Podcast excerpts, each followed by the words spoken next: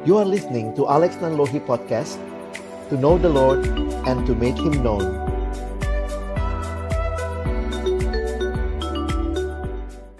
Mari teman-teman kita berdoa sebelum kita membaca merenungkan firman Tuhan Kita berdoa Bapa di dalam surga, kami datang dalam ucapan syukur hari ini. Di hari perhentian yang kau berikan kepada kami, kami bersyukur. Kami boleh datang memuji, memuliakan namamu. Kami juga boleh beribadah kepadamu. Dan kesempatan siang hari ini, kami juga akan bersama-sama belajar akan kebenaran firman-Mu. Kami percaya firman-Mu itu adalah firman yang kudus, yang dan yang menguduskan kehidupan kami. Firman-Mu adalah firman yang hidup dan yang menghidupkan kami. Firman-Mu firman yang tidak berubah, tapi firman yang kami percaya sanggup mengubah kehidupan kami. Itulah yang kami rindukan menjadi bagian dari setiap kami yang hadir pada siang hari ini. Kami menyerahkan waktu ke depan Tuhan yang memimpin, baik hambamu yang menyampaikan, setiap kami yang mendengar, juga diskusi di antara kami. Tolonglah kami semua Tuhan, agar kami pada akhirnya bukan hanya jadi pendengar-pendengar firman yang setia, tapi mampukan dengan kuasa dari rohmu yang kudus. Kami dimampukan menjadi pelaku-pelaku firman-Mu di dalam hidup kami, di dalam masa muda kami. Bersabdalah ya Tuhan, kami anak-anakmu sedia mendengarnya dalam satu nama yang kudus, nama yang berkuasa, nama Tuhan kami Yesus Kristus. Kami menyerahkan pemberitaan firman-Mu. Amin. Shalom teman-teman sekalian, selamat siang. Bersyukur buat kesempatan ini kita bersama-sama boleh belajar kebenaran firman Tuhan. Yang hari ini kita akan melihat dari tokoh Yeremia saya akan coba share screen buat teman-teman sekalian. Nanti uh, saya berharap kita bisa memahami bagian ini bersama-sama dan secara khusus juga mengawali pembinaan untuk teman-teman calon pengurus begitu ya di tengah-tengah pergumulan kalian. Nah, saya ingin mengajak kita nanti melihat uh, karena ini kita bahasnya tokoh ya. Memang tidak bisa semua karena ini salah satu kitab yang panjang jadi tidak bisa membahas seluruh bagian tapi uh, kiranya ini menjadi pengantar ya, pengantar buat teman-teman yang mungkin nanti tertarik membaca keseluruhan Yeremia itu akan sangat indah begitu ya.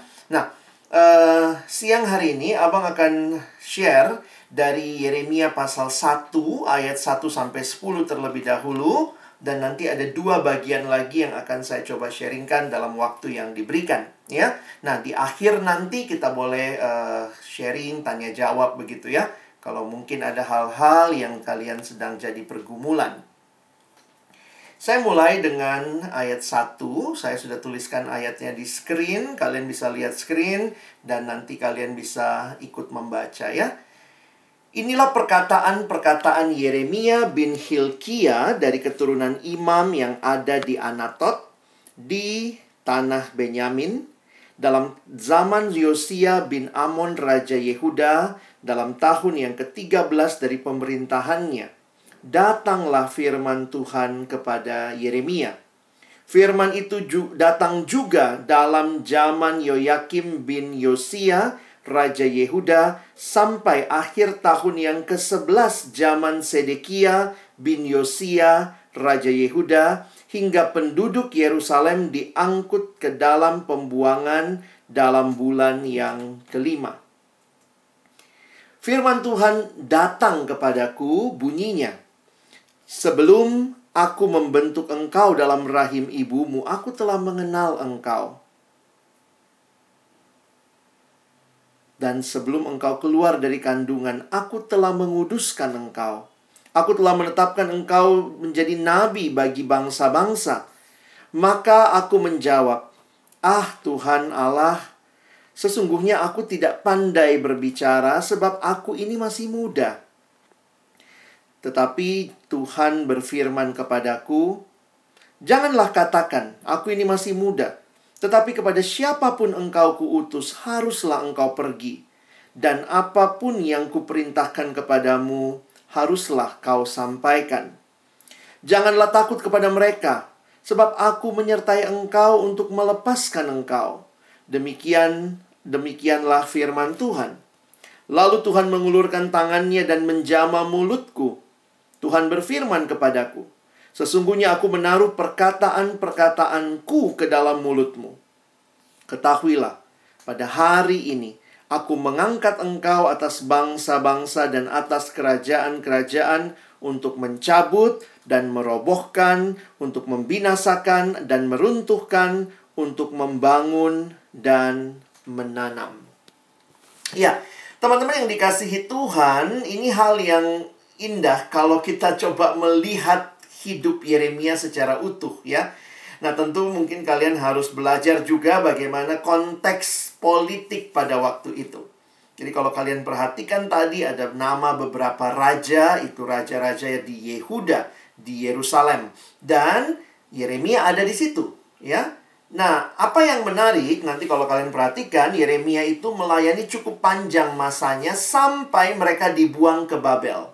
Ya, jadi perhatikan Yeremia melayani itu sebelah kiri itu coba lihat Yerusalem itu Yuda, Yehuda, lalu kemudian sampai nanti mereka dibuang ke Babel. Lihat itu sebelah kanannya Babel, kelihatannya dekat ya ampun nggak sampai sejengkal gitu ya. Tapi itu jaraknya seribu mil.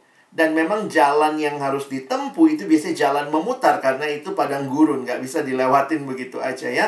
Nah pada waktu itu rutenya karena pada waktu itu kerajaan Babylon, ya, Babylon Empire mulai menguasai dunia pada waktu itu.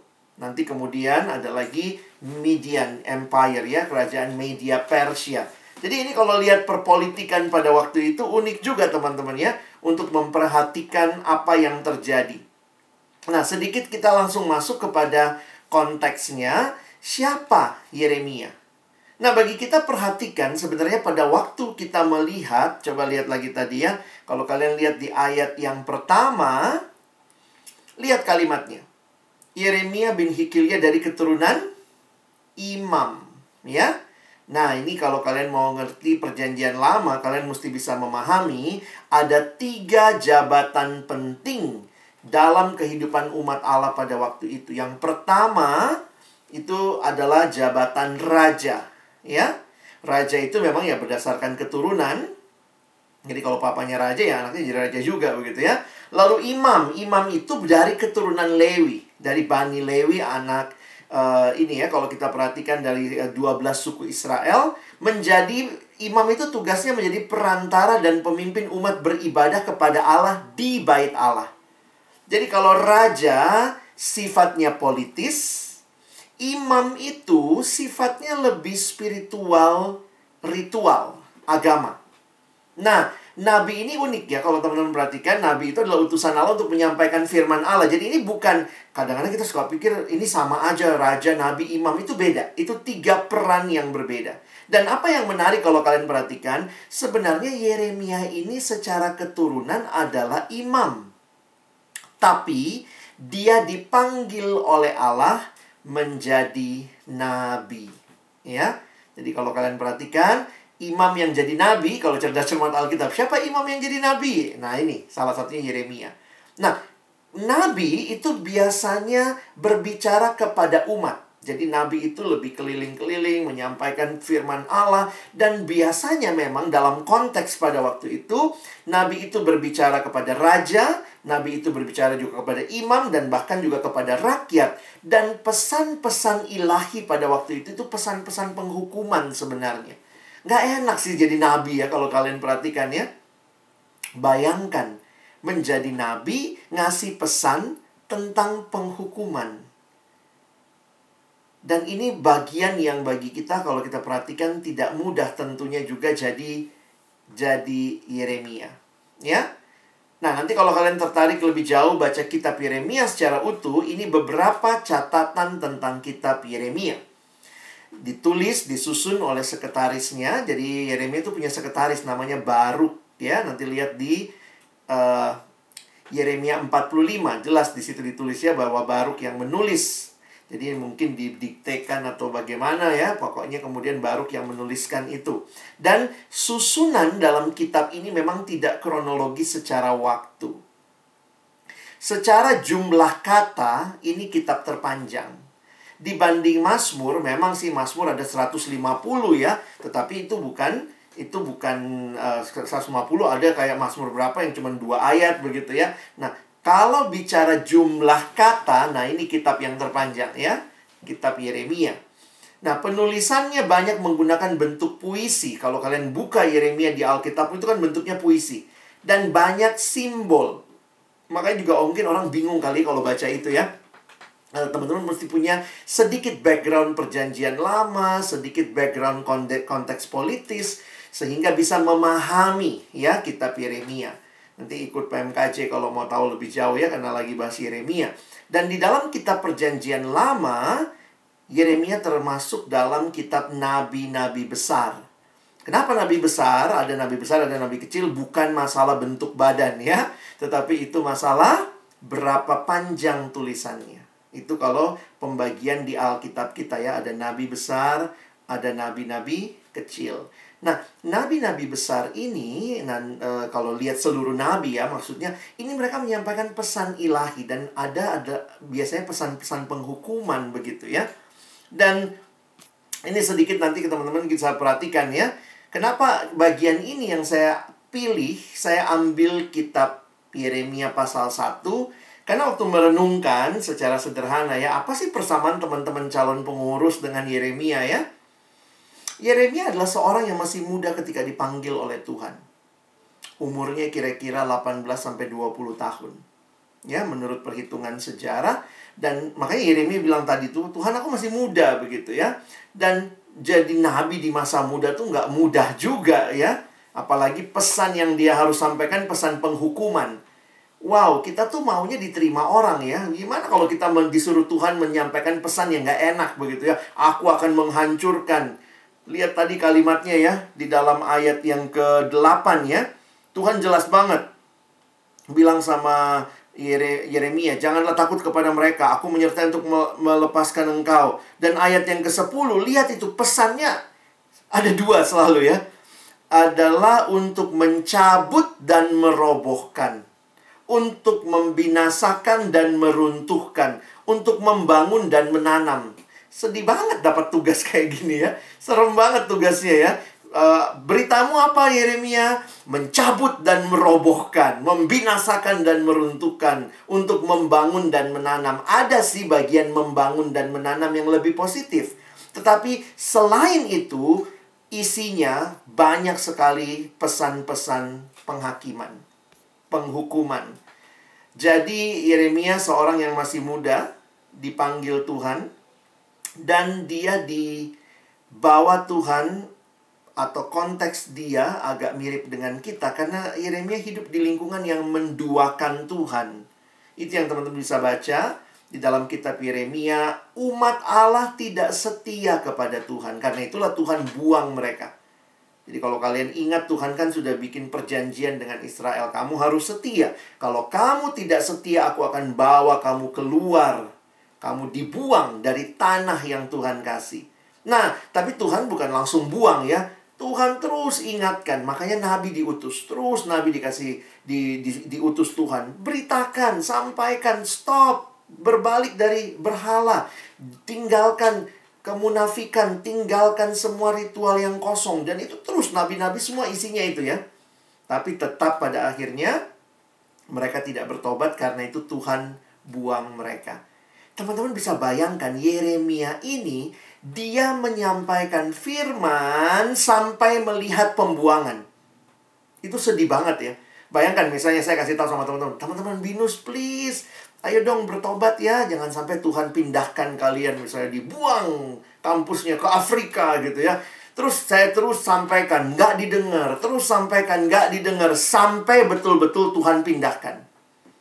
Nah, Yeremia itu ngeliat ya, bagaimana Israel dibuang dan walaupun Yeremia kalau kita lihat catatan sejarah dia tidak ikut ke pembuangan di Babel tapi dia ada di tetap tinggal di Yerusalem. Dia menyaksikan kejatuhan Yerusalem yang dia nubuatkan. Bayangkan ya kita nubuatkan dan kita lihat langsung.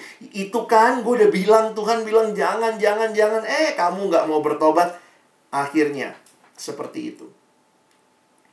Teman-teman, eh, setiap zaman, setiap generasi pasti tugasnya spesifik, unik, ya. Tapi paling tidak dalam kalimat yang saya tulis ini Yeremia hidup di lingkungan yang menduakan Tuhan dan saya yakin juga sekarang ini juga kan banyak teman-teman kita yang datang kuliah di kampus BINUS mereka juga sedang hidup di dalam hidup yang menduakan Tuhan kalau kita boleh pakai istilah itu.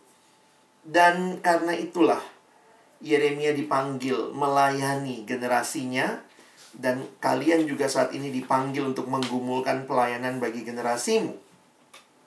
Sekilas bio biografi biodatanya Yeremia kalau mau biar gampang begitu ya.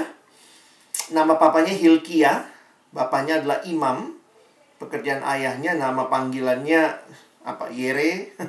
Yeremi gitu ya. Yeremia, Jeremiah, eh, teman-teman mungkin ada yang namanya juga sama ya. Kebangsaannya Yehuda atau maksudnya orang Israel. Tempat lahir di Anatot. Nanti kita lihat keterangan Anatot sedikit. Ini waktu kelahiran diperkirakan. Lalu kemudian melayani sebagai nabi. Nah, Yeremia Haradi beda ya, bukan nabi ya. Lalu lama pelayanan. Nah ini nih, lama pelayanan 40 tahun. Mulai dari inget-ingetin sampai ngeliat kejatuhan ya. Statusnya kalau kita cek gitu nampaknya dia tidak tidak pernah menikah. Dan kesukaannya adalah melakukan apa pun yang Tuhan minta. Nah, kira-kira seperti itu ya. Nah, teman-teman, saya ingin mengajak kita melihat bahwa sebenarnya inilah Allah memanggil Yeremia untuk membawa pesan ilahi bagi Yehuda. Nah, sedikit kalian bisa lihat di yang saya tulis di depan ini. Jadi Yeremia adalah seorang imam. Jadi kalau dia imam berarti dia dibesarkan untuk melayani sebenarnya di bait suci. Dia lahir di Anatot, kira-kira dua setengah mil atau 4 kilo dari Yerusalem. Dan beberapa penafsir mengkaitkan Yeremia dengan Abiatar dari keturunan Eli.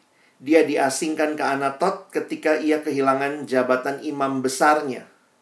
Nah, makanya ada yang mengatakan oleh karena itu Yeremia boleh jadi merupakan salah satu keturunan dari Abiatar, imam besar yang diasingkan ke Anatot. Makanya kenapa dia ditulis lahirnya di Anatot. Mungkin seperti itu. Dan pelayanan kenabiannya kira-kira tahun segitu ya. Nah itu kalau dihitung kira-kira 40 tahunan. Dan dari data yang ditulis di pasal 1 ayat 2 sampai 3. Teman-teman perhatikan ya. Itu ada kurang lebih 5 raja terakhir Yehuda yang melayani di atau lima raja terakhir Yehuda yang di zaman itu Yeremia melayani. Teman-teman mesti ingat pada zaman itu raja itu kan dia digantikan kalau meninggal atau mungkin terjadi kudeta ya. Jadi karena raja tuh nggak ada periodenya. Jadi makanya kalau kalian perhatikan, nah ini di zaman raja-raja lima raja berarti ya, luar biasa juga ya. Ini sedikit kalau kalian mau lihat timeline ya. Jadi Yeremia itu melayani di zamannya itu mulai dari Yosia itu yang melakukan reformasi, sesudah itu dilanjutkan anaknya gitu ya. Sampai kemudian Yoyakim, Yero uh, Yoyakim, Yoyakin gitu ya, lalu Sedekia sampai akhirnya paling kanan itu Judah in captivity in Babylon. Jadi Ye, uh, Yehuda dibuang ke Babel. Yeremia ini sejaman nampaknya dengan Yehezkiel Habakuk, Habakuk lebih dulu, Sefanya juga lebih dulu, lalu Yeremia melanjutkan dan nampaknya kalau kalian lihat juga uh, Daniel, ya Daniel. Karena ingat Daniel kan dibuang ke Babel. Nah Daniel dibuang ke Babylon dan kemudian kita melihat nanti saya coba kaitkan ya dengan apa yang dilakukan Yeremia. Nah ini kira-kira seperti ini. Teman-teman lihat ini gambaran raja-rajanya. Ini kalau kalian mau pelajari mendalam bisa juga ya. Jadi lihat mulai dari Raja Yosia, Karakternya mostly good ya Yostia memang tidak sempurna tapi dia baik lah ya lalu penggantinya tuh tambah evil makin evil makin evil makin evil bayangkan jadi nabi menyampaikan pesan penghukuman pesan ayo tobat ayo tobat di zaman lima raja yang makin lama makin makin jelek bayangkan kalau rajanya aja evil makin jahat maka pasti masyarakat pun makin jahat Perhatikan kalau kalian satu dulu dari kitab Raja-Raja misalnya selalu dikasih tahu raja ini menggantikan ayahnya tapi dia tidak menjauhkan bukit pengorbanan. Kalau sudah dikasih tahu masalah bukit pengorbanan itu adalah kebiasaan orang-orang di Kanaan, di daerah Yerusalem, penduduk aslinya, mereka biasa menyembah dewa Baal, menyembah dewi Asyera, itu dewa-dewi kesuburan. Waktu mereka menyembah itu, salah satu bentuk penyembahan kepada dewa-dewi itu adalah persembahan anak. Karena itu, mereka membawa anak mereka disembelih di altar-altar di bukit-bukit pengorbanan. Makanya, setiap kali kita melihat ketika dikatakan raja itu tidak menjauhkan bukit pengorbanan, Wah itu sudah kelihatan makin jahat dan Tuhan makin benci. Terus Tuhan ingatkan cuma aku Allahmu, cuma aku Allahmu saya jadi sadar betul betapa Israel ini kepala batu gitu ya. Tuhan jadi Tuhan bukan langsung bawa ke pembuangan. Bertahun-tahun Tuhan utus nabi-nabi. Ingatkan, kembali kepada Tuhan, kembali kepada Tuhan. Jadi karena itu kalau kita lihat Yeremia ini dijuluki apa? Ya. Dia adalah nabi yang berduka cita. Beberapa penafsir juga mengkaitkan bahwa Yeremia diyakini dalam tradisi dialah yang menulis kitab ratapan. Makanya kalau kalian lihat ratapan itu biasanya disebut sebagai ratapan Yeremia. Apa yang dia ratapi? Keruntuhan Yerusalem. Jadi Yeremia melihat Yerusalem runtuh dan ditandai dengan invasi dari Babel. Yerusalem runtuh lalu dibawalah orang-orang ke pembuangan di Babel. Itu kebiasaannya Babel ya. Begitu dia menaklukkan, dia bawa beberapa orang pilihan. Jadi nggak semua orang dibawa. Ada orang-orang pilihan dibawalah ke pembuangan. Nah itu Israel kena di situ. Walaupun Yeremia tidak ikut ke pembuangan. ya. Tapi kalau kita lihat konteksnya, dia tetap ada di Yerusalem.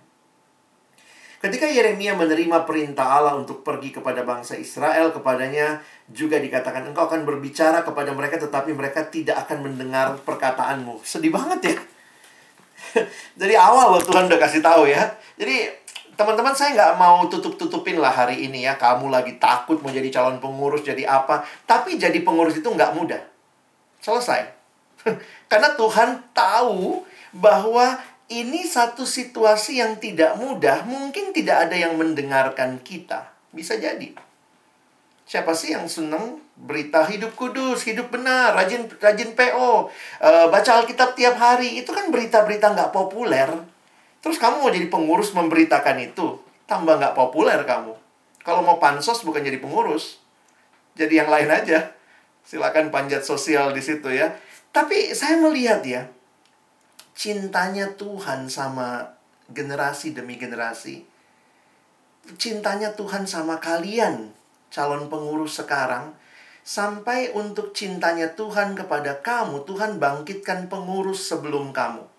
Yang waktu kalian mahasiswa baru, mereka yang ngurusin penyambutanmu, mereka ngurusin persekutuan Jumat setiap minggunya, saya kadang-kadang berpikir kebangetan deh kalau kita yang sudah nikmati itu semua lupa bahwa sebenarnya setiap generasi cinta Tuhan itu sama.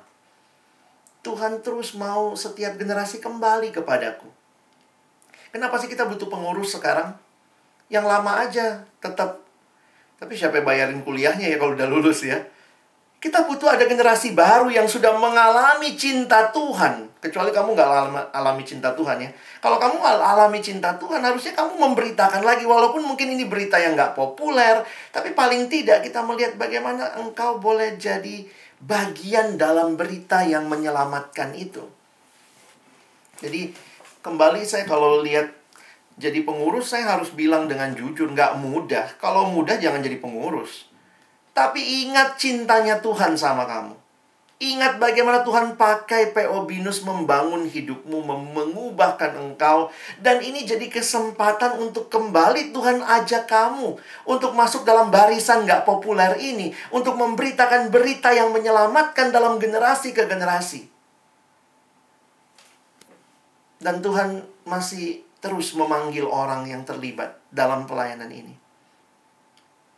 Teman-teman, Yeremia ini ya kalian salah pilih kitab kali ya. Ini Yeremia sedih banget hidupnya. Jujur dia, sedih banget hidupnya. Coba lihat. Di uh, raja, kaum Ningrat, imam, dan orang biasa. Nah, lihat nih, semuanya melawan Yeremia. Ini nabi nggak populer amat di zamannya ya.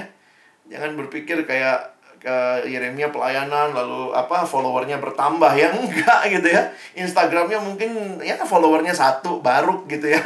Sekretaris ya uh, admin admin yang selalu update statusnya juga status-status yang serem gitu ya. Kembali kepada Tuhan bertobat kembali kepada Tuhan.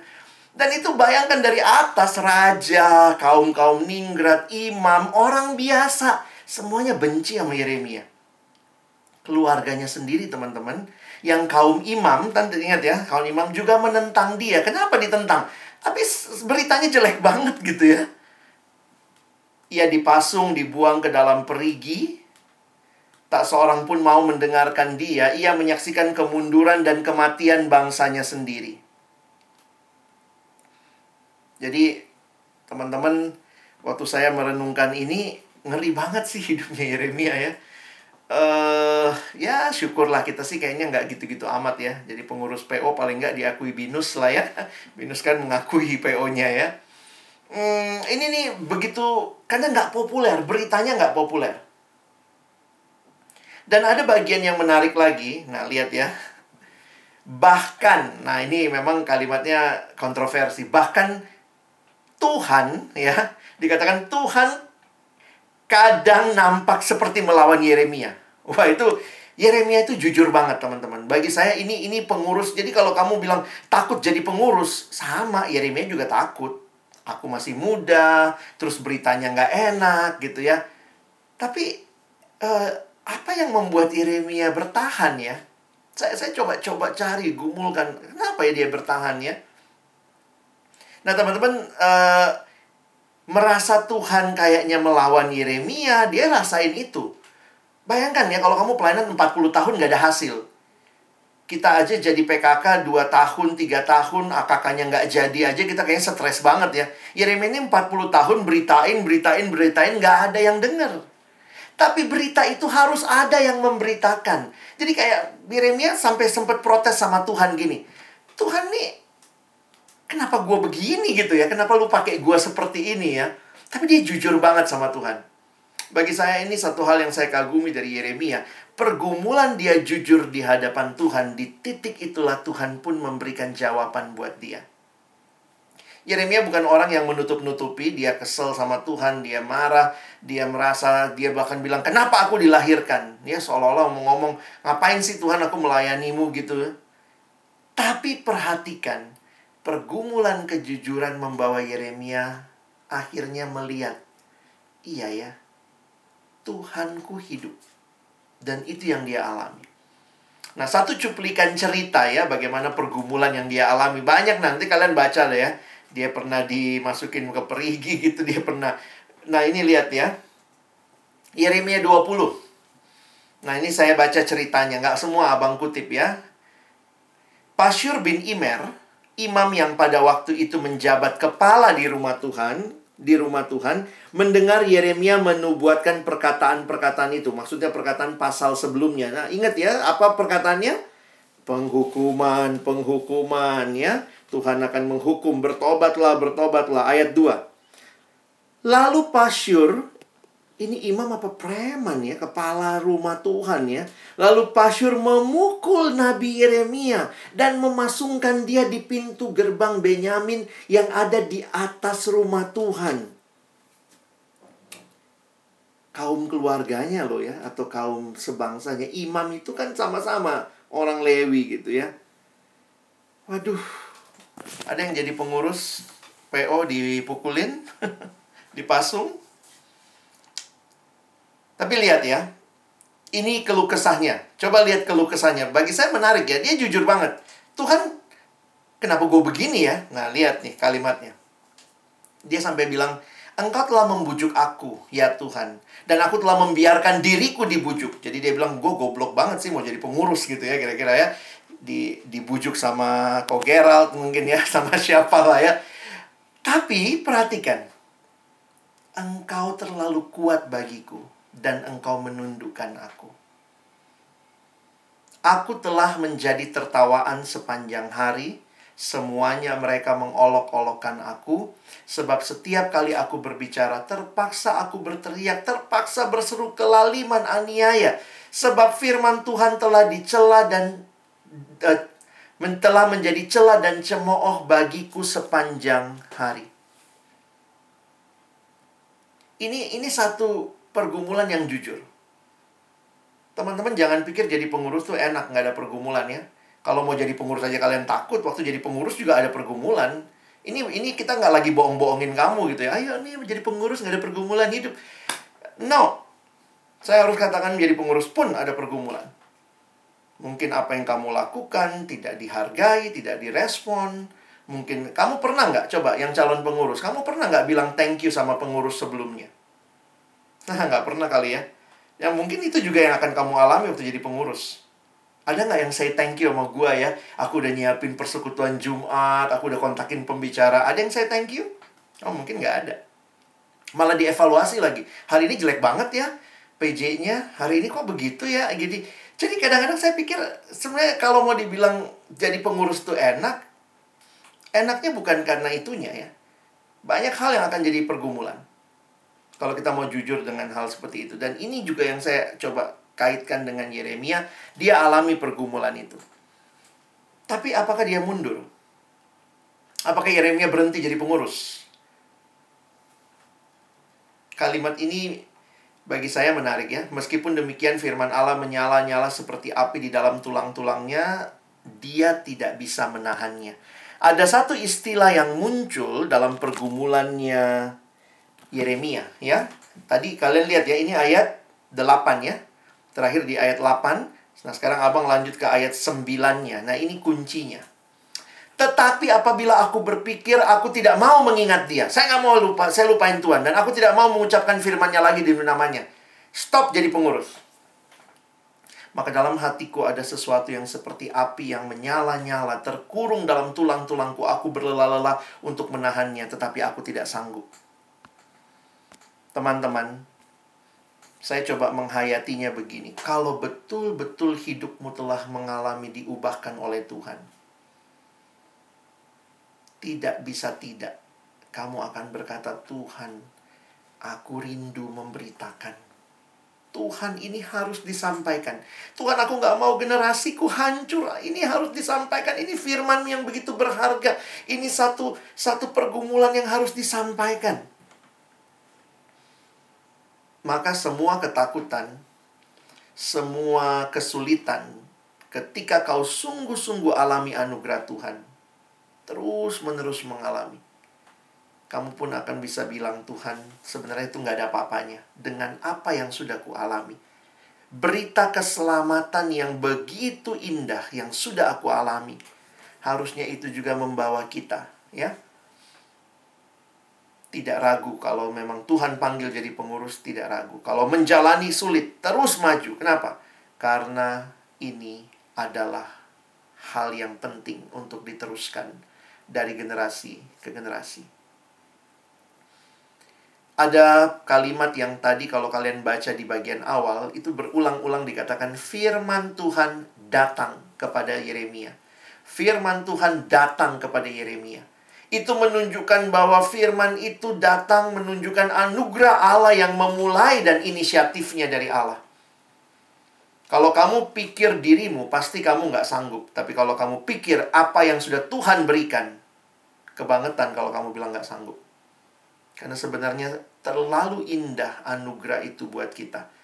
Mau ditahan, takut, males memberitakan, kita akan terus dibakar harusnya kalau betul-betul kau alami anugerah itu ya. Sehingga lihat dari keluhan dari ratapan, nah ini karena dia nabi yang meratap. Teman-teman perhatikan, setiap kali dia meratap, dia dia komplain sama Tuhan, selalu dia sampai kepada penghayatan yang menarik. Ayat 10, tadi ayat 9 kan? Aku telah mendengar bisikan banyak orang, kegentaran datang dari segala jurusan, adukanlah dia, kita mau mengadukan dia. Ini semua kan nggak pada suka sama Yeremia ya.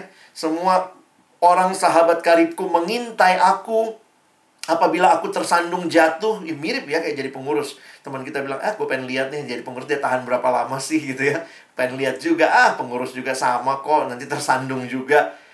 Barangkali ia membiarkan dirinya dibujuk sehingga kita dapat mengalahkan dia dan dapat melakukan pembalasan kita terhadap dia. Tetapi Tuhan menyertai aku seperti pahlawan yang gagah. Sebab itu orang-orang yang mengejar aku akan tersandung, jatuh, dan mereka tidak dapat berbuat apa-apa, mereka akan menjadi malu sekali sebab mereka tidak berhasil suatu noda yang selama lamanya tidak terlupakan. Teman-teman di ayat yang ke-12 perhatikan. Ya Tuhan semesta alam, lahir doa yang menguji orang benar dan melihat batin dan hati. Biarlah aku melihat pembalasanmu terhadap mereka. Sebab kepadamulah kuserahkan perkaraku. Teman-teman, tidak mudah, tidak gampang, ada pergumulan, tapi bukan berarti kita berhenti menyampaikan apa yang Tuhan berikan dan beban di hati kita. Yang selalu saya ingat adalah kenapa waktu saya masuk ada abang kakak, ada koko cici yang siapin acara buat saya. Kenapa ya ada orang-orang yang Tuhan bangkitkan untuk membuat kelompok kecil, jadi PKK, ada yang kemudian jadi pengurus buat mengurusi generasi saya. Berarti Tuhan sayang banget sama generasi saya. Sekarang Tuhan lagi percayakan. Tuhan lagi sayang nih sama generasi berikutnya. Kepada siapa dia akan titipkan sayangnya ini? Kepada mereka yang memang sudah mengalami dan mau kembali memberi. Tuhan aku rindu untuk belajar dalam situasi seperti ini. Mungkin sulit, aku nggak sanggup, aku takut.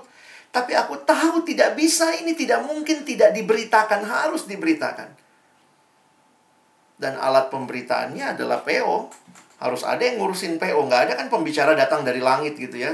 E, tiba-tiba saya datang gitu. Kenapa Bang Alex yang hari ini datang? Oh tadi malam uh, Yesus suruh saya ngurusin ini. Saya dikontak sama Gerald Gerald yang nanya, Bang Alex bisa nggak? Gerald siapa? Oh, pengurus. Harus ada yang ngurusin persekutuan ini untuk melanjutkan cinta Tuhan perlu diurus. Sederhana gitu aja kok. Tapi siapa yang akan mengurusnya? Adalah orang-orang yang mengalami cinta Tuhan dan tahu bahwa ini penting diperjuangkan. Ada generasi baru yang Tuhan mau cintai dan terlalu terlalu sama bagi saya terlalu selfish. Terlalu egois kalau kita berkata Tuhan, cukuplah kasihmu buat angkatanku. Angkatan bawah, oh, urusan orang lah. Bukan urusanku. Aku yang penting udah nikmati kasihmu. Wah, aku kenal, aku nikmati PJ di Binus. Aku nikmati bisa bersekutu, nyanyi-nyanyi. Oh, puji Tuhan. Oh, generasi lain, oh sorry Tuhan. Itu urusan mereka. Terlalu egois, terlalu selfish kalau hidup kita berhenti menikmati berkat Tuhan dan tidak melanjutkan berkat itu. Dan mungkin salah satu cara Tuhan melanjutkan berkatnya memanggilmu jadi pengurus. Dan nanti kalau kalian lihat ceritanya, Yeremia terus memperingatkan orang Israel agar kembali kepada Allah. Namun tidak ada yang mendengarkannya. Dan dia masih hidup ketika Nebukadnezar ini yang saya bilang tadi ya. Dia menyaksikan Yerusalem itu kalah.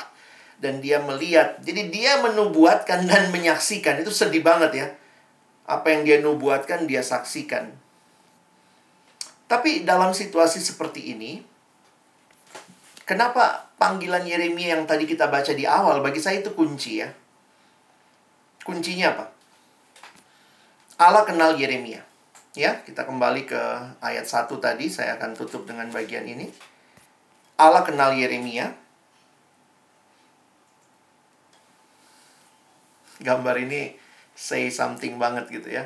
Hahaha, I knew you before you were born ya Pernah nggak kayak gitu kita tutup mata papa kita, mama kita, ayo tebak siapa gitu ya kalau anak kecil ya. Kalimat ini, Before I form you in the womb, I knew you. Dari siapa? Dari Tuhan. Teman-teman, sedikit pembahasan dari ayat yang kelima.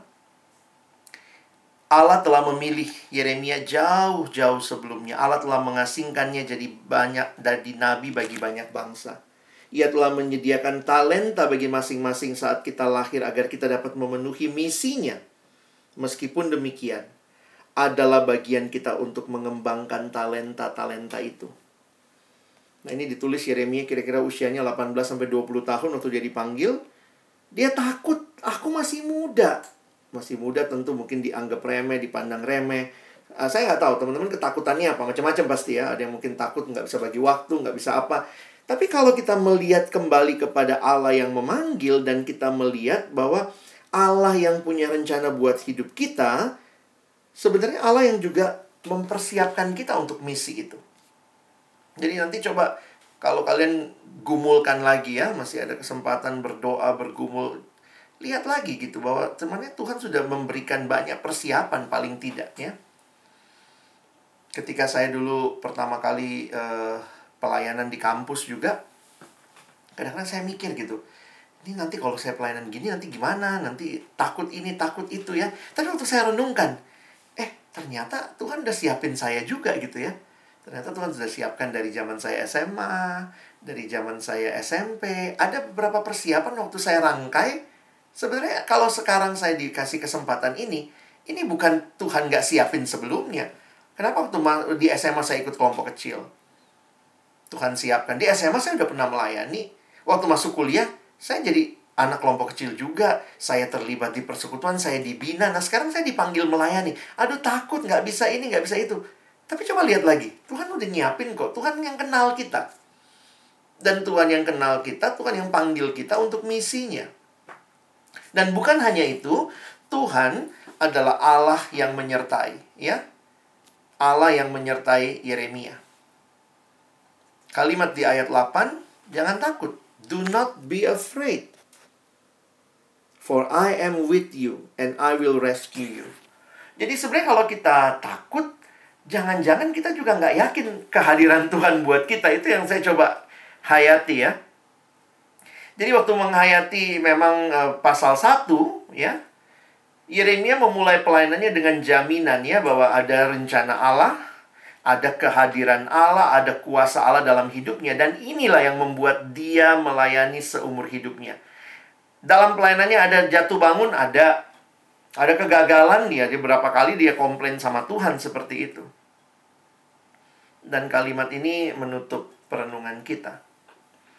When God calls us to a task, He does not give us a roadmap to follow and then leave us to our resources. But God walks with us ketika Tuhan mempercayakan pelayanannya kepada kita. Bukan hanya dia biarkan kita begitu saja ya, teman-teman ya. Tapi dia cuman bukan cuman ngasih map ini nih bakal ke sini gitu ya. Tapi enggak. Bagi saya Tuhan sedang membangun ya, membangun kehidupan kita dengan menyertai kita senantiasa dalam waktu demi waktu. Saya lewati beberapa slide dulu ya. Sorry.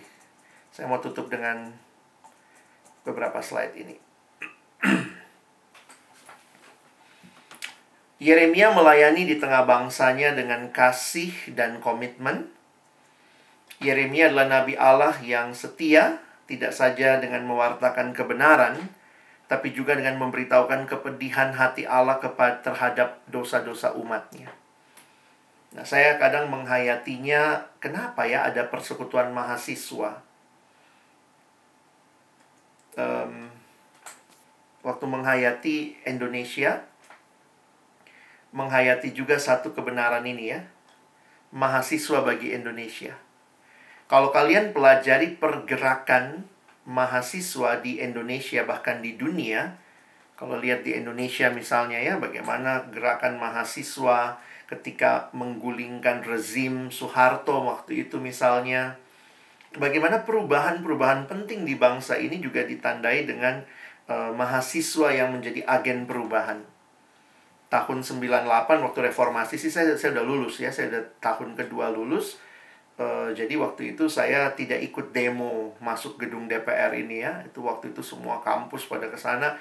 Kami yang alumni-alumni beliin makanan dari luar ngasih sama mereka yang lagi berjuang di dalam gitu. Mahasiswa itu agent of change.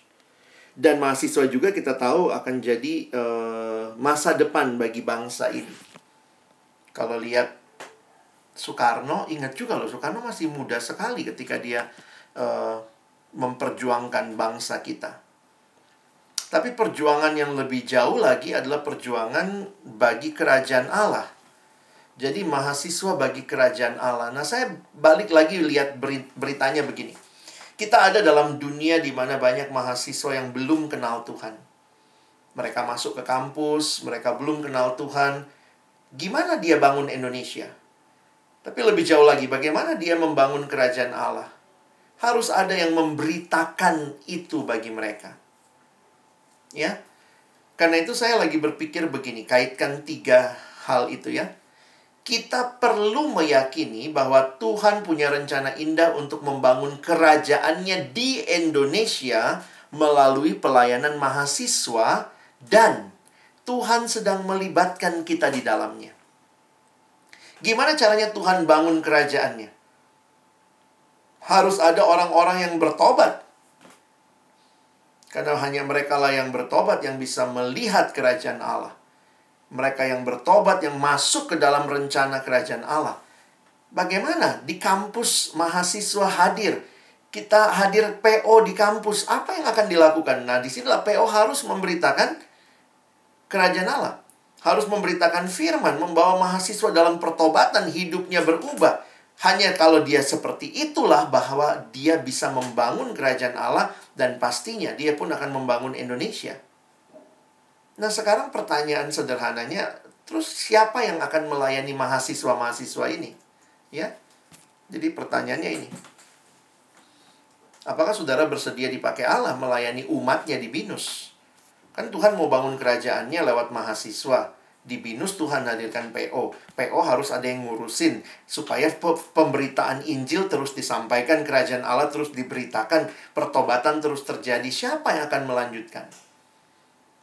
Minta koko cicinya nggak lulus-lulus terus jadi pengurus? Nggak bisa.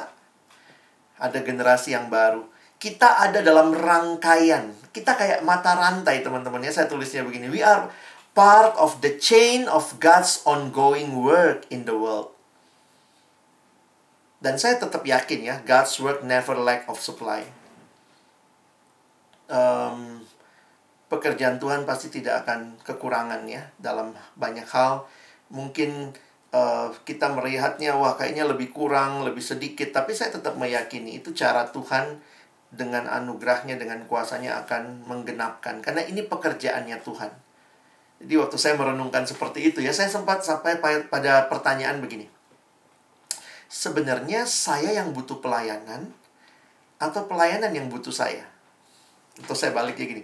Sebenarnya kalau saya dikasih kesempatan pelayanan, Tuhan lagi butuh gua atau sebenarnya ini gua yang butuh Tuhan? Dan banyak kali akhirnya saya meyakini ya pasti dua-duanya benar ya Tuhan butuh kita ya makanya kita dipanggil jadi pengurus. Tapi ternyata di dalam kita jadi pengurus sebenarnya lebih banyak kitanya yang membutuhkan Tuhan, membutuhkan pelayanan ini. Yang akhirnya di dalamnya pun Tuhan membangun kita. Untuk punya hati bagi orang lain, punya hati buat generasi yang baru, punya hati untuk melanjutkan pekerjaan ini. Sehingga pertanyaannya bagaimana dengan saudara? Ya, kiranya firman Tuhan walaupun sudah berhenti diberitakan, tapi belajar dari Yeremia yang menjawab panggilan Tuhan dalam kemudaannya, dalam ketakutannya, tapi dia menyadari ada Tuhan yang menyertai dan itulah yang membuat dia melangkah maju. Waktu ada pergumulan, dia datang lagi kepada Tuhan yang menyertai. Dia komplain, tapi dia pun menikmati jawaban dari Tuhan. Tuhan ingatkan lagi, ingat aku besertamu. Itulah kesuksesan pelayanan yang sesungguhnya. Menghayati ada Tuhan yang menyertai senantiasa. Amin. Silakan kalau ada teman-teman yang mungkin mau bertanya, mau sharing, saya persilakan.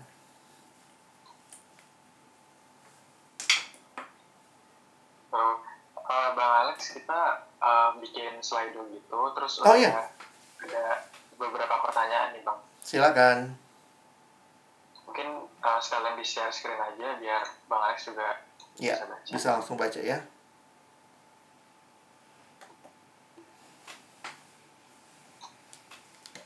Nah, ini Bang. Mungkin boleh Ya, laut kecil amat sih ya. Jawab juga. Aku mungkin out of topic kalau dalam masa pelayanan kita masih ada addiction itu gimana kak? Habisnya aku rasa di Alkitab nggak ada yang kecanduan.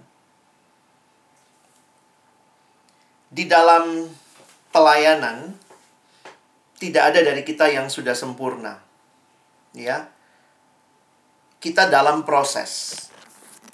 Tentu kalau ada kecanduan harus dibereskan. Tapi dalam beberapa kasus saya lihatnya tergantung juga ya ini dalam kaitannya apa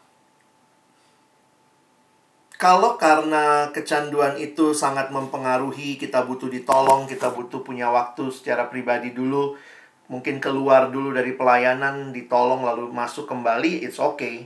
Tapi dalam beberapa hal yang lain, saya pikir juga uh, Tuhan bisa pakai pelayanan itu menjaga kondisi kerohanianmu.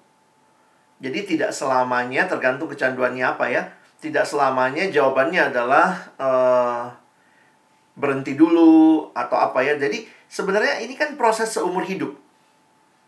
Kalau kamu tunggu sempurna, kamu nggak akan pernah melayani karena kita nggak mungkin sempurna selama masih hidup dalam dunia ini. Kita masih punya pergumulan, jatuh bangun dalam dosa dan itu sebenarnya menjadi cara Tuhan menjaga kamu. Saya lihat salah satunya dengan memberikan kamu kesempatan melayani. Ya, setiap kali kita melayani kan kita mesti siapin hati lagi, kuduskan hidup dalam arti ya itu menjadi ongoing proses. Ya, mungkin begitu. Yang kedua, Kak, kalau kita di zaman sekarang apa harus apa kita harus tegur teman-teman yang suka dugem dan lain-lain gitu kan? Sekarang seolah-olah semuanya ditutupin sama kata toleransi semua. Saya pikir setiap generasi punya cara menyampaikan kebenaran. Di dalam Alkitab ada prinsipnya saja, ya yang saya pikir adalah menyampaikan kebenaran di dalam kasih. Efesus pasal yang keempat, ayat yang ke-16. Bagaimana menyampaikan kebenaran di dalam kasih? Nah, mungkin salah satu cara yang baik untuk kita hayati adalah perhatikan begini. Jangan yang mungkin terjadi kalau kita tidak hati-hati adalah kita menghakimi. Makanya uh, cara pandang yang menarik ya. Di dalam dunia ini ada dua macam kelompok. Setuju apa tidak? Ada orang benar, ada orang yang baik, ada orang yang jahat. Kan kalau kamu bikin pembagiannya begitu, dalam dunia ini ada dua kelompok. Ada yang baik, ada yang jahat. Nah, sekarang pertanyaan saya begini. kalau kamu lihat ada dua pembagian itu, yang baik sama yang jahat, kamu masuk yang mana? Mungkin nggak bilang, oh aku yang baik bang, gitu ya. Itu pun sudah membuat kamu akhirnya menghakimi sebenarnya tanpa sadar ya. Jadi, uh, dalam cara pandang yang lebih tepat, di dalam dunia ini hanya ada dua macam kelompok orang. Pertama, orang berdosa yang sudah bertobat. Dan kedua, orang berdosa yang belum bertobat. Orang berdosa yang sudah kenal Yesus dan orang berdosa yang belum kenal Yesus. Jadi basicnya sama, kita sama-sama orang berdosa. Nah, dalam titik cara pandang seperti itu, coba bangun cara menegur yang baik. Misalnya ya, jadi kayak ada teman-teman yang lagi suka, misalnya mereka suka dugem segala macam, Mungkin kamu nggak dugem, tapi kamu ada kecanduanmu yang lain. Kamu mungkin sama pornografi kah? Kamu mungkin sama uh, seneng sen, apa punya akar pahit gitu ya. Sehingga cara menegurnya adalah kita tidak melihat diri kita lebih baik dari orang lain, tapi sama-sama. Kalau dia dalam kecanduan seperti itu, Kita bisa bilang, ya saya kalau bisa sama kecanduannya ya, misalnya ada yang sama-sama pornografi. Wih, gue juga dulu sama loh kayak lu. Jadi kita nggak langsung bilang, wah gue sekarang nggak begitu ya. Tapi kita mungkin bisa mulai dari, gue dulu sama kayak lu. Tapi waktu gue kenal Tuhan ya, Tuhan ubahin gue gitu. Itu cara menegur yang menolong orang itu melihat kita pun nggak lebih baik dari dia. Kalau bukan karena Tuhan. Seringkali kesaksian-kesaksian tanpa kita sadari menonjolkan sayanya yang baik, sayanya yang berubah, sayanya yang harus dipuji. Tapi kalau kamu dengan tepat membingkai caramu berbicara dengan gospel, dengan Injil, maka kamu bisa mengatakan bahwa I am nothing. Saya juga dulu persis kayak kamu. Lu dugem, gue pornografi. Gue dulu seneng banget deh. Lu kayak seneng banget gitu ya. Tapi waktu gue ketemu Tuhan, di situ gue jadi sadar nggak ada gunanya kalau gue nggak kenal dia bahkan sekarang gue udah bisa, bisa move on lah dalam tanda kutip melalui itu semua jadi sebenarnya waktu orang dengar kesaksian kita seperti itu cara menegur yang baik bahkan orang mungkin bilang itu bukan menegur tapi kita sedang menyampaikan apa yang kita nikmati dalam Tuhan itu beda beda banget ya oke okay. Kak, kalau kalau misal dalam kemurusan itu tiba-tiba merasa jenuh di tengah jalan, apa boleh kita ambil waktu sebentar untuk istirahat? Di dalam kepengurusan, teman-teman, ini kalau bicara kepengurusan ya, kan nanti ada job desk. Bagi saya sebenarnya begini. Um, mari kita jangan jangan melihat pelayanan pelayanan ini kadang jadi nomor sekian dalam prioritas hidup ya. Contoh, kalau kamu kuliah, jenuh, berhenti kuliah. Absenmu nggak penuh aja, kamu nggak bisa ikut UTS gitu ya. Kadang-kadang saya ngeliat gini, kenapa ya kalau namanya pelayanan kita seenaknya, tanda kutip. Padahal di situ ada job desk, ada apa. Poin saya adalah begini. Mungkin nggak keluar dari pelayanan, tapi sharing dengan teman-teman di dalam pelayanan. Can you help me? Aku lagi agak jenuh. Apa yang aku bisa uh, lakukan, gue akan lakukan. Yang lain mungkin tolong di backup jadi poin poin saya adalah jangan bersembunyi di balik gue jenuh. Seolah-olah enak aja ninggalin pelayanan kapan pun. Saya ngelihatnya nggak begitu. Tetap kamu harus tanggung jawab. Demikian juga dalam hidup kan. Kalau kamu kerja satu waktu, nggak ada, aduh bos lagi jenuh kerja nih, mau di rumah tiga hari nonton Netflix saja. Nggak bisa. Kamu punya tanggung jawab yang kamu mesti kelarin. Nah itu yang mungkin saya harus katakan, cari cara pertama, lihat sumbernya kenapa kamu jenuh. Jadi atasi kejenuhanmu, tapi yang kedua jangan abaikan tanggung jawabnya. Ya, karena itu uh, alasan untuk beristirahatnya mesti dicari nih. Gimana caranya? Mungkin bukan istirahat, tapi kurangi beban yang jadi tanggung jawabmu. Hai Kak, mau bertanya bagaimana cara kita mengetahui panggilan Tuhan di tengah kondisi masalah yang membuat kita merasa khawatir ke depannya? Banyak hal Tuhan tidak kasih tahu sama kita sekarang. Karena itulah, saya suka ngeliatnya gini. Banyak orang berpikir gini. Gue mesti beres dulu. Jelas dulu semua baru gue melangkah. Tapi kadang-kadang dipimpin Tuhan nggak gitu ya. Makanya kan ada lagu, tak ku tahu kan hari esok, namun langkahku tetap. Itu gimana caranya menghayati lagu itu? Aku nggak tahu hari esok, tapi sekarang aku ambil komitmen. Aku melayani. Terus nanti kalau besok gimana? Tunggu dulu jalanilah bersama dengan Tuhan. Jadi kadang-kadang kekhawatiran kita membuat kita bahkan ngambil komitmen pun enggak gitu ya. Kadang saking khawatirnya. Padahal yang dikhawatirin belum pernah terjadi dan mungkin juga nggak terjadi. Atau bisa terjadi lebih buruk loh dari yang kamu khawatirkan. Tapi kalau begitu yang membuat kita langkahnya tetap tegap itu apa? Tahu bahwa Tuhan menyertai. Dan kalau ada Tuhan, seberat apa pun masalah kita, kita bisa hadapi bersama dengan Tuhan. Jadi banyak orang takut ambil keputusan, takut melangkah karena kekhawatiran yang belum terjadi. Itu yang Yesus bilang kan, ya, kesusahan sehari cukuplah buat sehari ya. Mari ikutilah kalimat Yesus ya, belajar. Kalau kamu dikuasai kekhawatiran, coba sort out. Apa sih yang kamu khawatirin? Dan lihat lagi, apakah Tuhanmu lebih besar daripada kekhawatiranmu? Ya, tentu di dalamnya kamu juga harus tahu kapasitas ya Tuhan juga kan kasih kesempatan kita kenal kapasitas kenal uh, kemampuan kita kapabilitas jadi jangan juga mengambil tugas melampaui apa yang kamu sanggup Karena saya pikir juga kan Tuhan pasti kasih sesuai dengan bagian kita. The right man on the right place. Oke, ada yang dipilih pertanyaan yang mana? Gerald pilihin deh, karena banyak nih. Apa yang mau dijawab? Tulisannya kecil-kecil lagi ya, mata saya udah. Kak, ah, tunggu yang mana nih? Kak, aku mau nanya. Bagaimana cara kita menanggapi dengan baik orang yang mulai mundur dari kepengurusan dengan alasan atau kondisi pribadi? Sebenarnya semua hal bisa dibicarakan ya. Jadi maksudnya juga teman-teman yang mungkin langsung ambil langkah mundur seperti itu yang jangan dimusuhin juga, tapi diajak ngomong. Diajak ngomong lalu dicari titik temunya. Memang betul-betul harus mundurkah? Atau mungkin tetap di pengurus untuk dia juga beban tugasnya di-share begitu. Sebenarnya menurut saya sih bisa dibicarain ya. Mundur itu bukan satu-satunya dengan kalau alasan perkuliahan emangnya yang lain yang jadi pengurus nggak kuliah semua juga lagi kuliah gitu ya jadi sebenarnya kita bisa bicarain sih bagaimana cara tidak memegahkan diri? Ya ingatlah ya semua kemampuan kita itu dari Tuhan. Mungkin juga perlu untuk remind ourselves terus uh, belajar terima pujian juga kali ya. Kadang-kadang kan cara kita menerima pujian itu juga sebenarnya menolong kita belajar sikap hati yang benar. Kalau saya berhasil pelayanan saya bagus itu apa yang mesti kita ingat?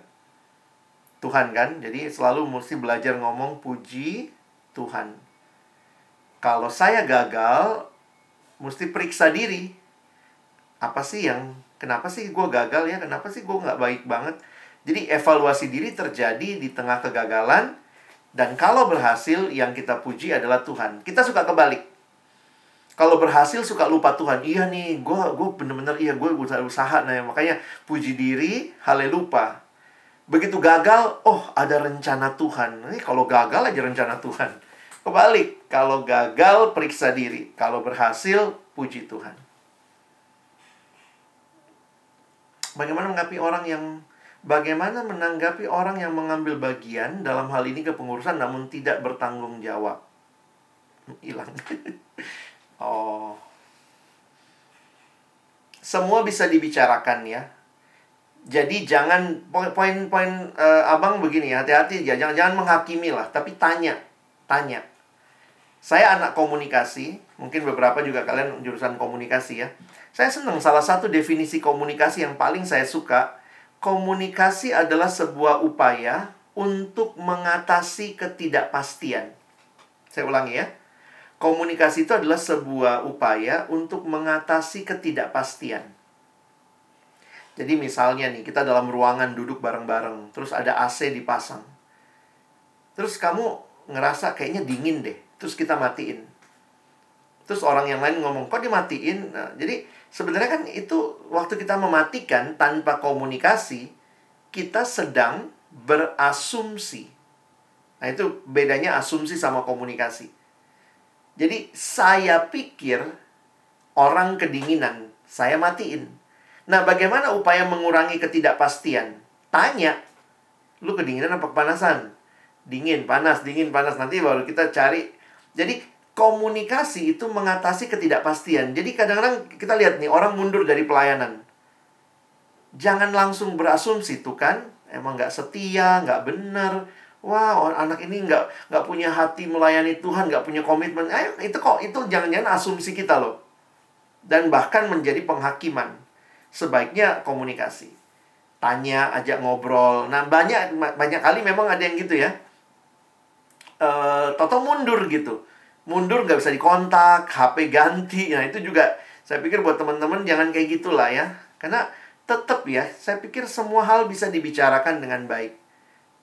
Ya, Tuhan pun mau kita berkomunikasi, tidak putus relasi hanya karena mungkin sedang punya pergumulan dalam pelayanan. Bagaimana bisa asik? Tetap terkesan asik. Tuhan kita Tuhan yang gaul juga sih ya. Maksudnya gaul dalam arti Tuhan nggak anti keasikan ya, Tuhan nggak anti kesenangan, tapi dia tahu yang yang senang, yang baik itu seperti apa gitu ya. Ya mungkin nanti teman-teman perlu membingkai ya. Kak, bagaimana cara mempertahankan jawaban kita di tengah keraguan dan kebimbangan kita atas solusi jawaban yang kita yang ingin kita pilih? Hmm. Ini ada juga masalah keraguan.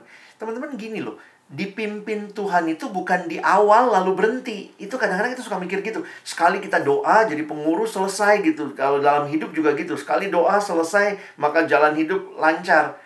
Pergumulan dengan Tuhan tuh step by step. Coba nikmati.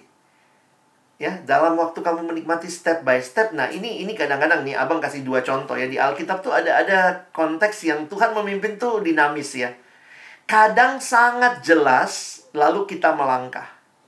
Itu mirip kayak waktu Israel me menyeberang sama Musa ya. Masih ingat Israel menyeberang sama Musa, nyeberang Laut Merah.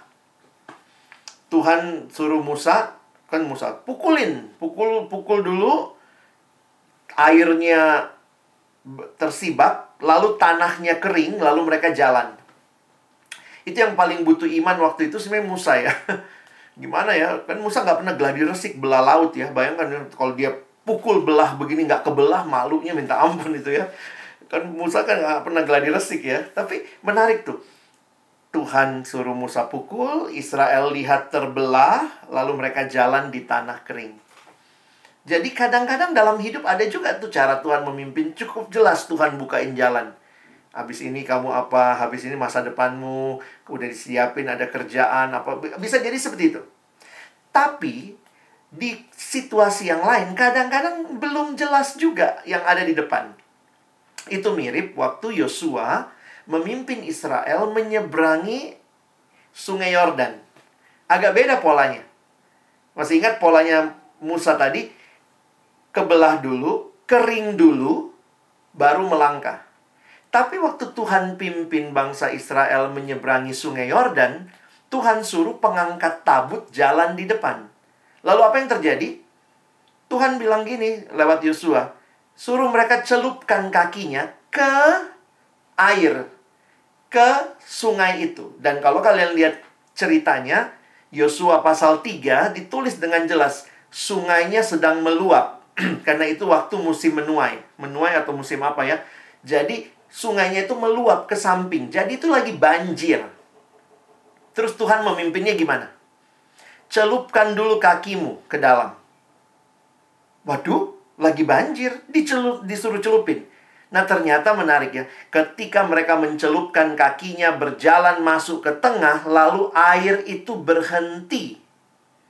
Nah makanya kalau kalian lihat ceritanya, beda antara cerita Laut Merah itu terbelah dua waktu Yosua airnya berhenti dari dari hulunya. Nah, hilir ke ya uh, hilirnya dari dari awal dari atasnya. Jadi itu bukannya kebelah dua, tapi berhenti dari atas. Tapi itu setelah mereka mencelupkan kakinya. Teman-teman setelah belajar dua kisah ini, saya ngelihat dalam hidup begini. Kadang-kadang ada yang Tuhan bukain jelas untuk kita melangkah. Tapi ada juga saat-saatnya Tuhan bilang, coba melangkah dulu lah. Ya, jadi buat kamu yang sangat khawatir masa depan, takut nih nanti salah pilih. Banyak orang saking takutnya salah pilih, malah nggak milih. Itu ngerinya. Ada yang datang sama saya, Bang, saya bingung nih, yang ini apa yang ini? Saya takut salah pilih, Bang. Terus saya bilang gini. Nah, dia tanya sama saya, gimana ya Bang biar nggak salah pilih? Saya bilang, pilih dulu. Waktu kamu habis pilih, baru kamu tahu itu benar apa salah gitu ya. Tuhan mau ya saya salah pilih. Bukannya Tuhan mau, tapi kan Tuhan nggak selamanya memimpin seperti yang kamu mau. Jangan-jangan kamu juga sangat kuat pengen ini, pengen ini, padahal itu cuma keinginanmu pribadi. Ini salah apa enggak ya bang? Saya nggak tahu, pilih dulu waktu kamu pilih dan jalanin. Saya yakin banget kalau kamu terus bergumul dengan Tuhan meskipun kamu salah pilih. Tuhan sanggup bawa kamu kembali. Itu keyakinan yang saya pikir membuat saya juga jadi nggak takut melangkah. Karena bukannya karena kan udah didoain, udah didoain aja kita bingung milihnya. Jadi buat hal-hal seperti itu saya pikir teman-teman uh, ini ya coba lebih lebih realistis jadi orang percaya. Sadari Tuhan itu bukan cuma kita butuhin waktu memilih di awal. Sesudah kita pilih kita nggak bergumul lagi. Kita butuh Tuhan di sepanjang langkah kehidupan. Ya bagaimana kalau merasa tawar? Ya, ini terakhir pertanyaannya. Karena kamu nggak tahu kamu baik atau tidak di kepengurusan ke depan, gimana kalau merasa tawar, keyakinannya bukan pada dirimu. Dirimu mungkin sekali tawar, sorry ya. Saya langsung ngomong, kamu mungkin tawar, kamu mungkin kecewa, kamu mungkin jelek performance-nya. Mungkin, saya pun mungkin seperti itu, tapi ada hal yang lebih pasti. Yang pasti apa? Tuhan menyertaiku. Tuhan menyertai saya. Jadi jangan takut sama yang mungkin. Aku mungkin gagal, aku mungkin ini, aku mungkin itu. Ini yang kadang-kadang saya pikir kita kok nggak melangkah dalam iman. Jangan takut sama yang mungkin, karena itu belum kejadian. Tapi peganglah yang pasti. Yang pasti apa? Tuhan panggil kamu, Tuhan janji sertai. Karena Tuhan janji sertai, maka di tengah mungkin kamu merasa tawar, datang sama Tuhan. Tuhan gimana ini ya? Dan saya pikir ini dinamika pelayanan. Kadang-kadang kita kayak di padang berair begitu ya. Saat teduhnya melimpah sekali hari ini. Wah, padang berair, rumput yang tenang. Eh, besoknya saat teduhnya gersang banget. Ini apa sih ayatnya nih? Kok nggak dapat apa-apa? Itu dinamika hidup rohani. Ya, jangan jangan jadi orang nggak realistis. Nah, kalau hidup rohani selalu aman, baik. Kita akan mengalami naik turun, tapi di situ ingat ada Tuhan. Ya, datang sama Tuhan. Nah, itu yang pasti ya. Kiranya teman-teman setelah dengar ini semua ya jadi pergumulanmu untuk melihat sejauh mana ya kamu memberi diri dipimpin oleh Tuhan. Kalau kamu fokus kepada ketakutanmu yang semuanya masih mungkin, mungkin, mungkin, kamu jadi nggak akan sulit melihat Allah yang pasti, pasti, pasti itu. Ya? Baik, saya selesai sampai sini. Silakan saya tutup doa dulu ya. Bapak Surgawi, terima kasih buat firman-Mu. Setiap diskusi pertanyaan yang diberikan, biarlah juga makin menolong kami mengaplikasikan setiap kebenaran yang kami pelajari dari kitab Yeremia. Terima kasih untuk teladan Yeremia yang membuat kami melihat bahwa memang betul bukan tentang Yeremia pelayanan itu. Tetapi semuanya tentang Allah yang memanggil Yeremia. Dan karena itu kalau kami begitu takut dengan diri kami, kemampuan kami ke depan, kami hari ini diarahkan melihat kepada Tuhan yang memanggil kami. Yang engkau sendiri akan menyertai kami sebagaimana janjimu biarlah apa yang Yeremia alami, dia bertahan sampai akhir memandang kepada Allah, itu juga yang boleh kami alami waktu kami melayanimu. Sekali lagi kami bersyukur, tolong kami bukan cuma jadi pendengar firman, tapi jadi pelaku-pelaku firman dalam hidup kami. Dalam nama Yesus kami berdoa. Amin.